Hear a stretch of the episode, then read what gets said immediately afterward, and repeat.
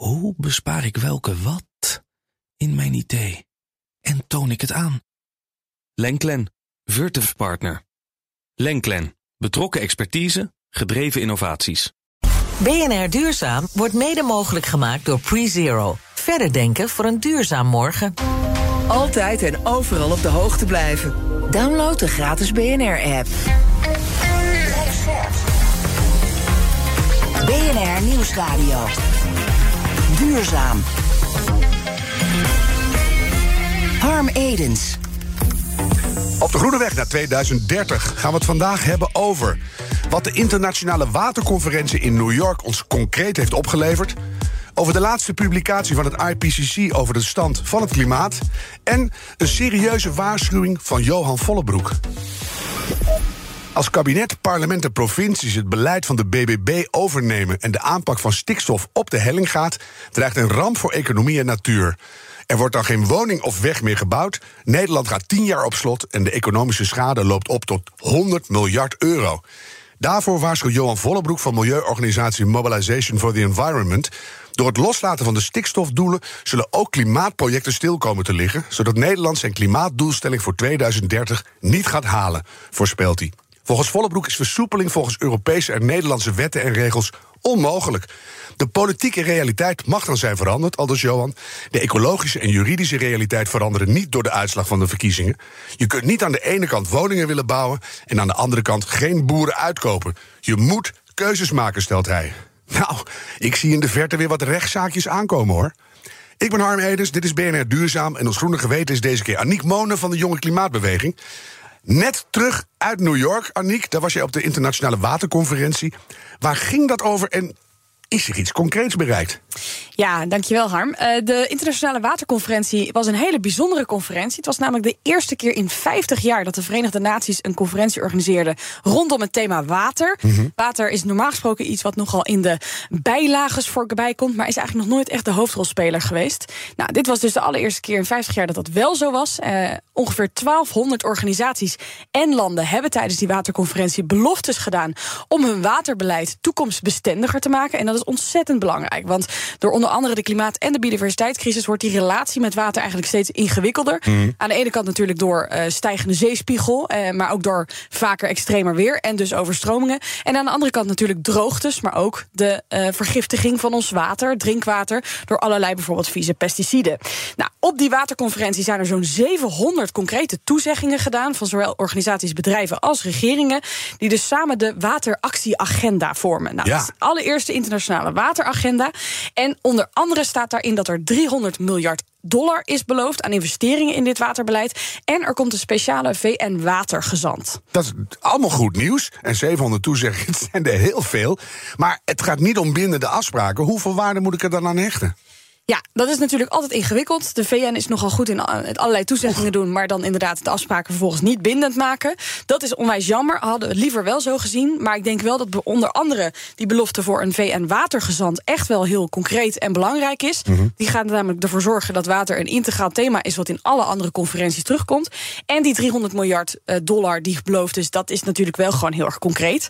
Nou, en verder echt vergelijkbaar met, natuurlijk al die andere grote internationale conferenties, ligt er gewoon ook een hele grote taak voor iedereen die niet op die waterconferentie was. Om iedereen verantwoordelijk te houden aan de beloftes die ze daar hebben gedaan. Dus ik denk aan jou een opdracht, aan mij een opdracht en aan iedereen die luistert om hun bedrijf, organisatie of regering verantwoordelijk te houden voor de beloften die daar gemaakt zijn. Ja, want water, we kunnen er echt niet zonder en het raakt in de knel. Uh, de Europese rechter, heel belangrijk, die buigt zich deze week voor het eerst over de vraag of een land mensenrechten schendt als het klimaatdoelen niet haalt. Klopt.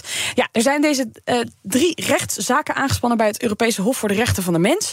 Uh, twee daarvan vinden woensdag plaats in Straatsburg. De derde vindt dit najaar plaats. Mm -hmm. Wel nou, toevallig drie tegelijk. Drie tegelijkertijd. Ja, ja nou, dat is natuurlijk niet helemaal toevallig, want klimaatschade loopt natuurlijk wereldwijd steeds verder op. Ja. Maar er zitten echt wel een paar hele interessante zaken tussen. Onder andere de eerste, die dus woensdag plaatsvindt, is aangespannen door een groep gepensioneerde vrouwen uit Zwitserland. die hun regering aanklagen vanwege de impact van de vele hittegolven op hun gezondheid.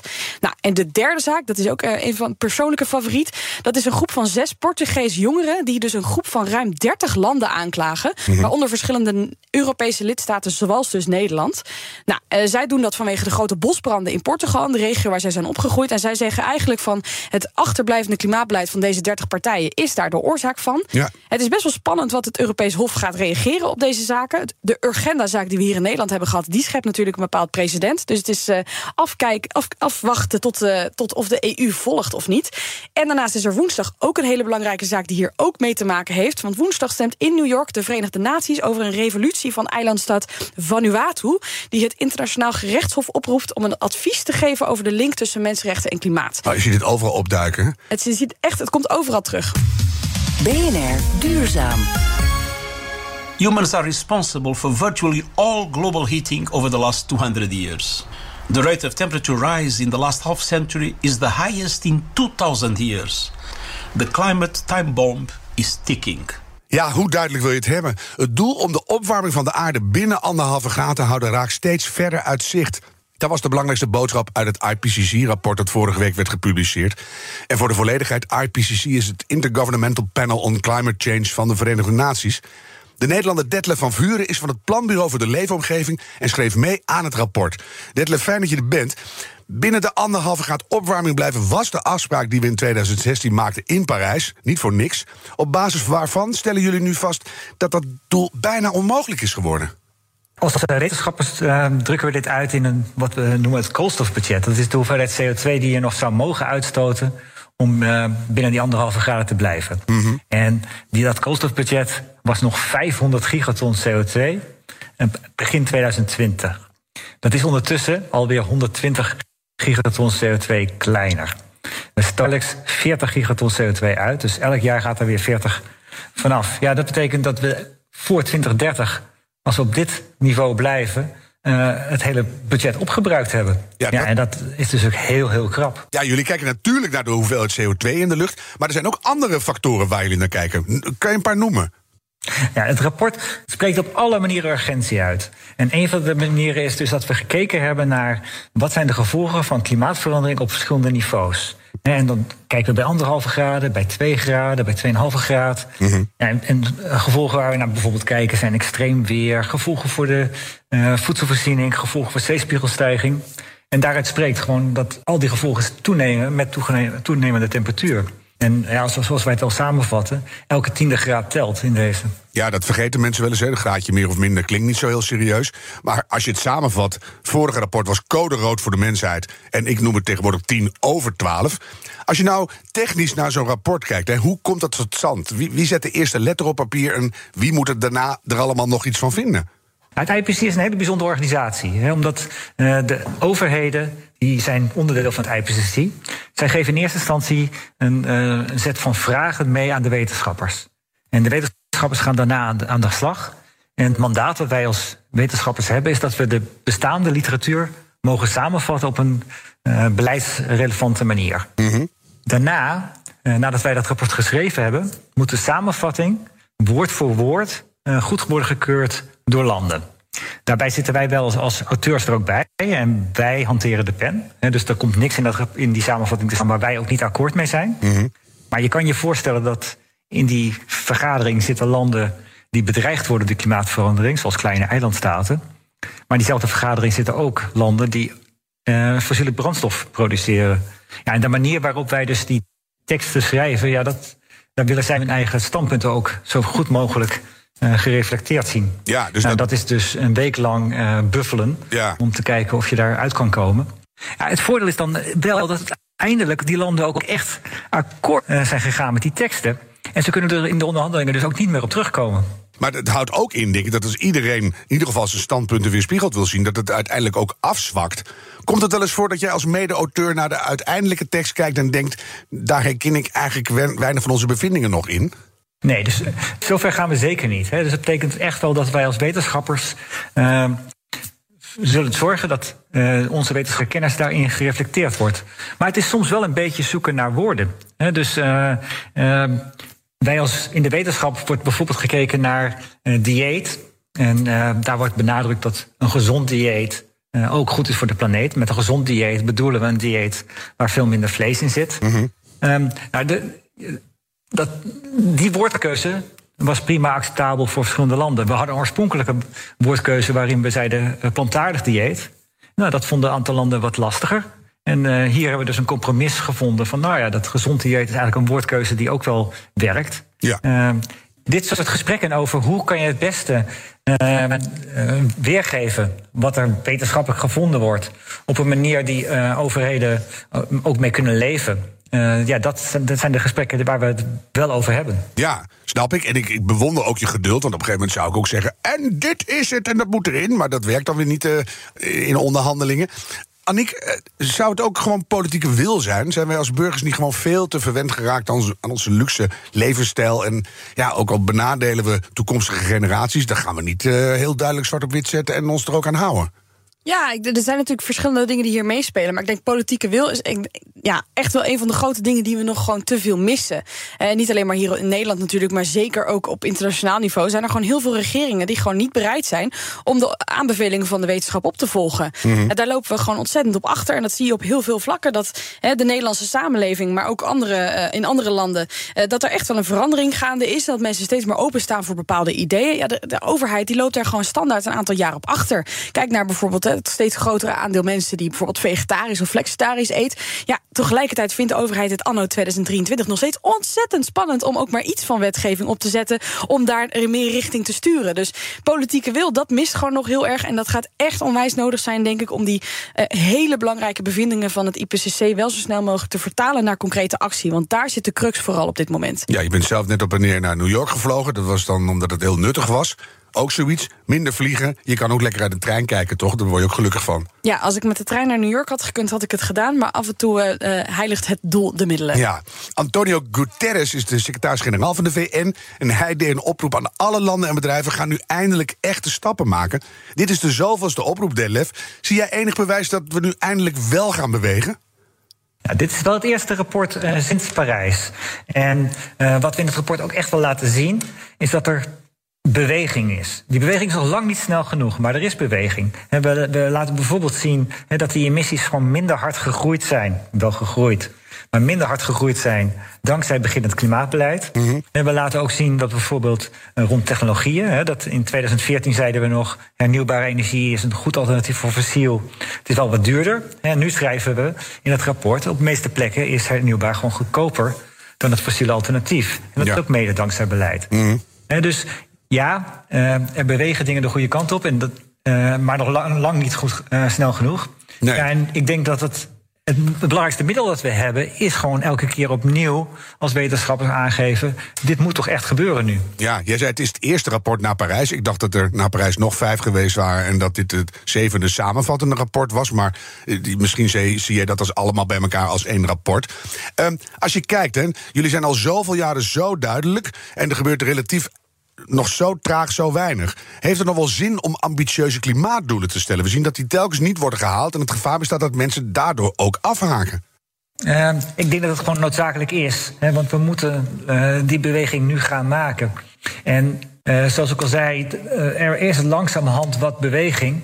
Uh, ik denk dat we daar nu gebruik van moeten maken. En die uh, laatste set hier aanzetten om daadwerkelijk ook die reducties te gaan bewerkstelligen. Ja, dus dit rapport echt heel erg driemaal dik rood onderstrepen. Aniek, hoe kijk jij daarnaar? Nou, helemaal eens. Die ambitieuze klimaatdoelen die blijven volgens mij onwijs belangrijk. Want je ziet in Nederland dat we nu ook steeds meer in beweging komen. Ook onder andere vanwege die klimaatdoelen en het feit dat we onze regering eraan verantwoordelijk houden. Maar we hebben wel een BBB die zegt van ja, we stellen het even uit hoor. Even vijf jaar erbij, even de andere kant Nou, dat moeten we nog gaan zien. Um, daarnaast denk ik dat we tussendoelen ook ontzettend belangrijk zijn. Hè? Het, het, helpt niet zo, of het helpt, het helpt ergens wel, maar we hebben nu natuurlijk een, een doel voor 2030 en 2050. Mhm. Maar dat is onwijs langer termijn. Dus wat mij betreft moeten we ook veel meer gaan kijken naar tussendoelen. Om ook ervoor te zorgen dat we onderweg ook op, de, eh, ja, op koers blijven. Weet je wat je per jaar moet doen, minimaal, anders kom je er sowieso niet. Nee, precies. En, en ook om, om voorbij te blijven aan de illusie dat we in 2049 zouden kunnen beginnen met de, de reductieslag.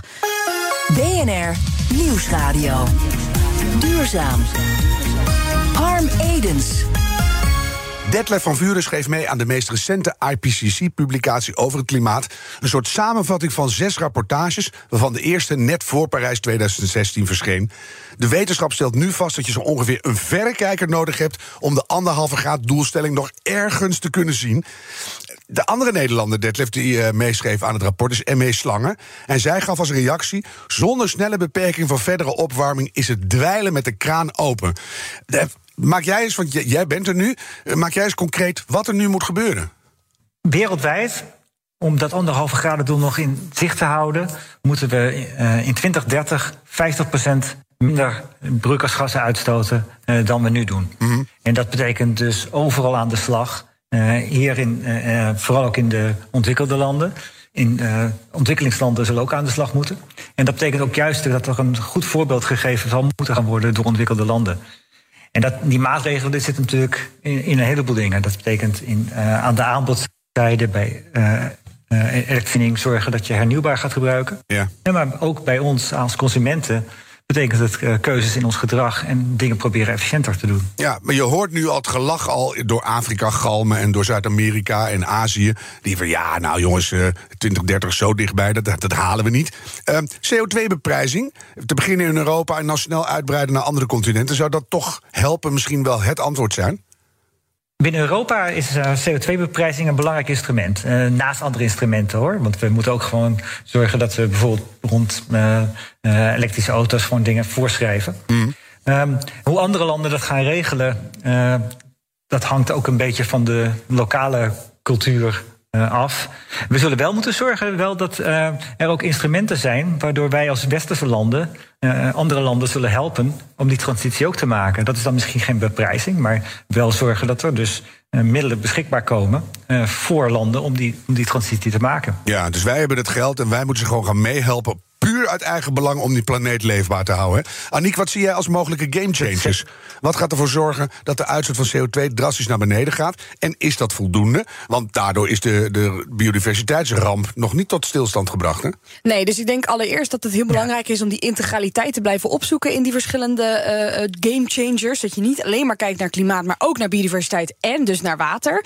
Ik denk verder gedragsverandering, wat echt al werd aangekaart door Detlef, is onwijs belangrijk. En volgens het IPCC kan dat leiden tot 40 tot 70 procent extra reductie. Ja. Als we bijvoorbeeld dus minder met de auto gaan reizen, minder gaan vliegen en minder vlees gaan eten. Mm -hmm. Dat zijn allemaal dingen waar de overheid op kan sturen.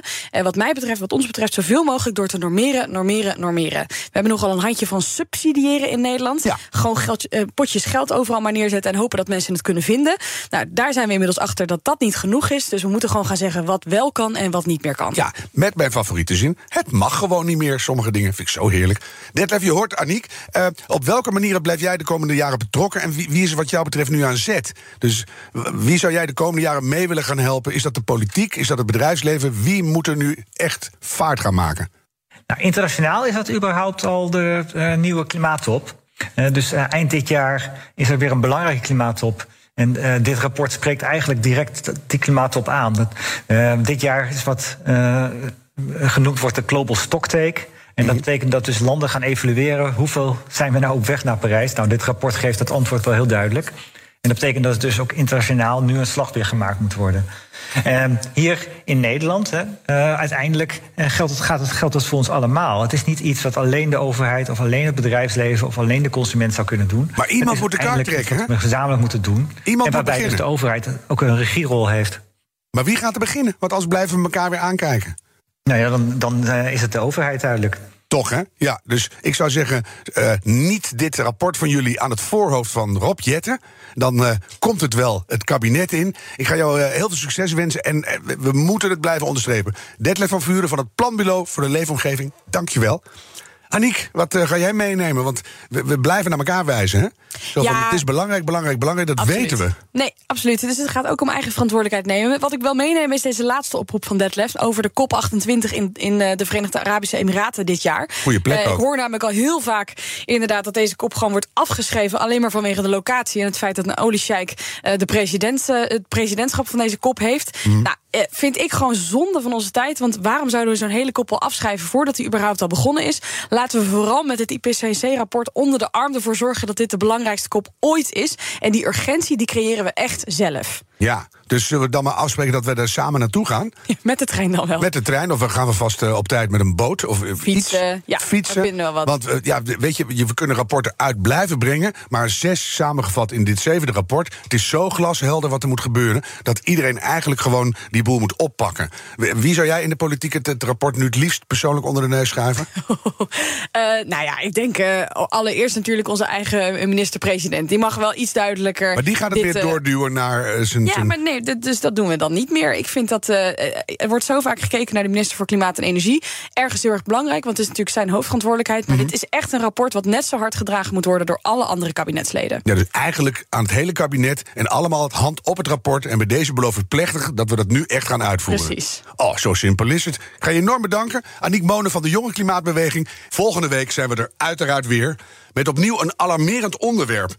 Het Wereld Natuurfonds komt eind deze week met een nieuw Living Planet Report. Speciaal voor Nederland. Ze steken daarmee een pijlstok in de natuur. Kleine spoiler alert, daar gaat het niet al te best mee. Minder vogels, minder dieren, minder planten.